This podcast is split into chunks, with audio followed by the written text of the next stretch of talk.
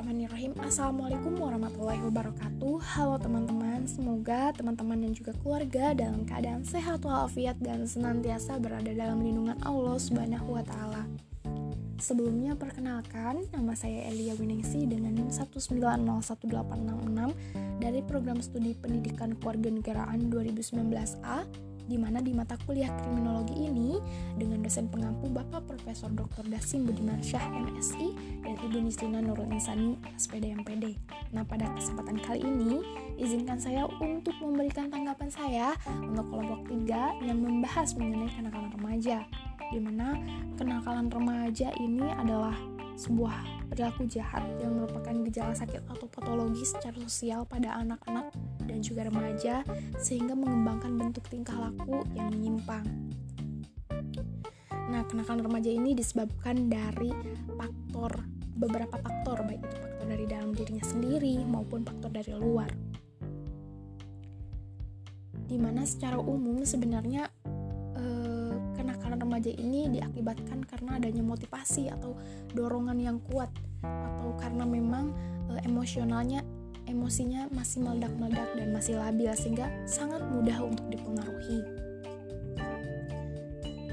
Remaja ini juga memiliki perilaku delikuen yang mana perilaku ini e, sangat merisaukan dan juga memprihatinkan. Akan tapi kita harus lebih memperhatikan atau harus lebih e, memberikan perhatian khusus kepada remaja, terutama orang tua.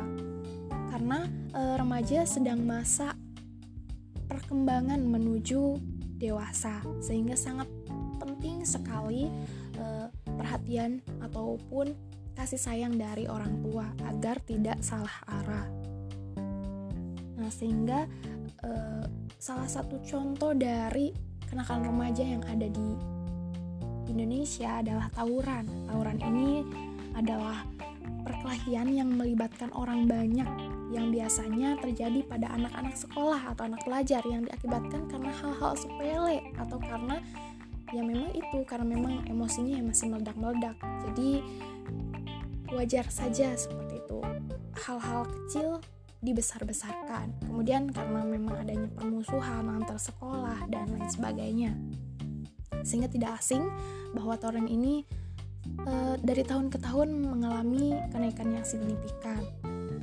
Kemudian izinkan saya memberikan tambahan kepada jawaban dari pertanyaan Rotu bahwa secara umum apabila pelaku tawuran tersebut merupakan anak di bawah umur dan terbukti telah melakukan tindakan pidana sehingga mengakibatkan korban terluka atau bahkan sampai meninggal, maka secara hukum uh, itu uh, sesuai dengan Undang-Undang Nomor 11 Tahun 2012 tentang Sistem Peradilan Pidana Anak yang dalam hal pidana anak dikenal dengan istilah diversi atau persetujuan atas persetujuan korban. Nah, akan tetapi kita pun harus melihat pula seberapa berat atau ringannya tindakan pidana yang dilakukan oleh anak remaja tersebut.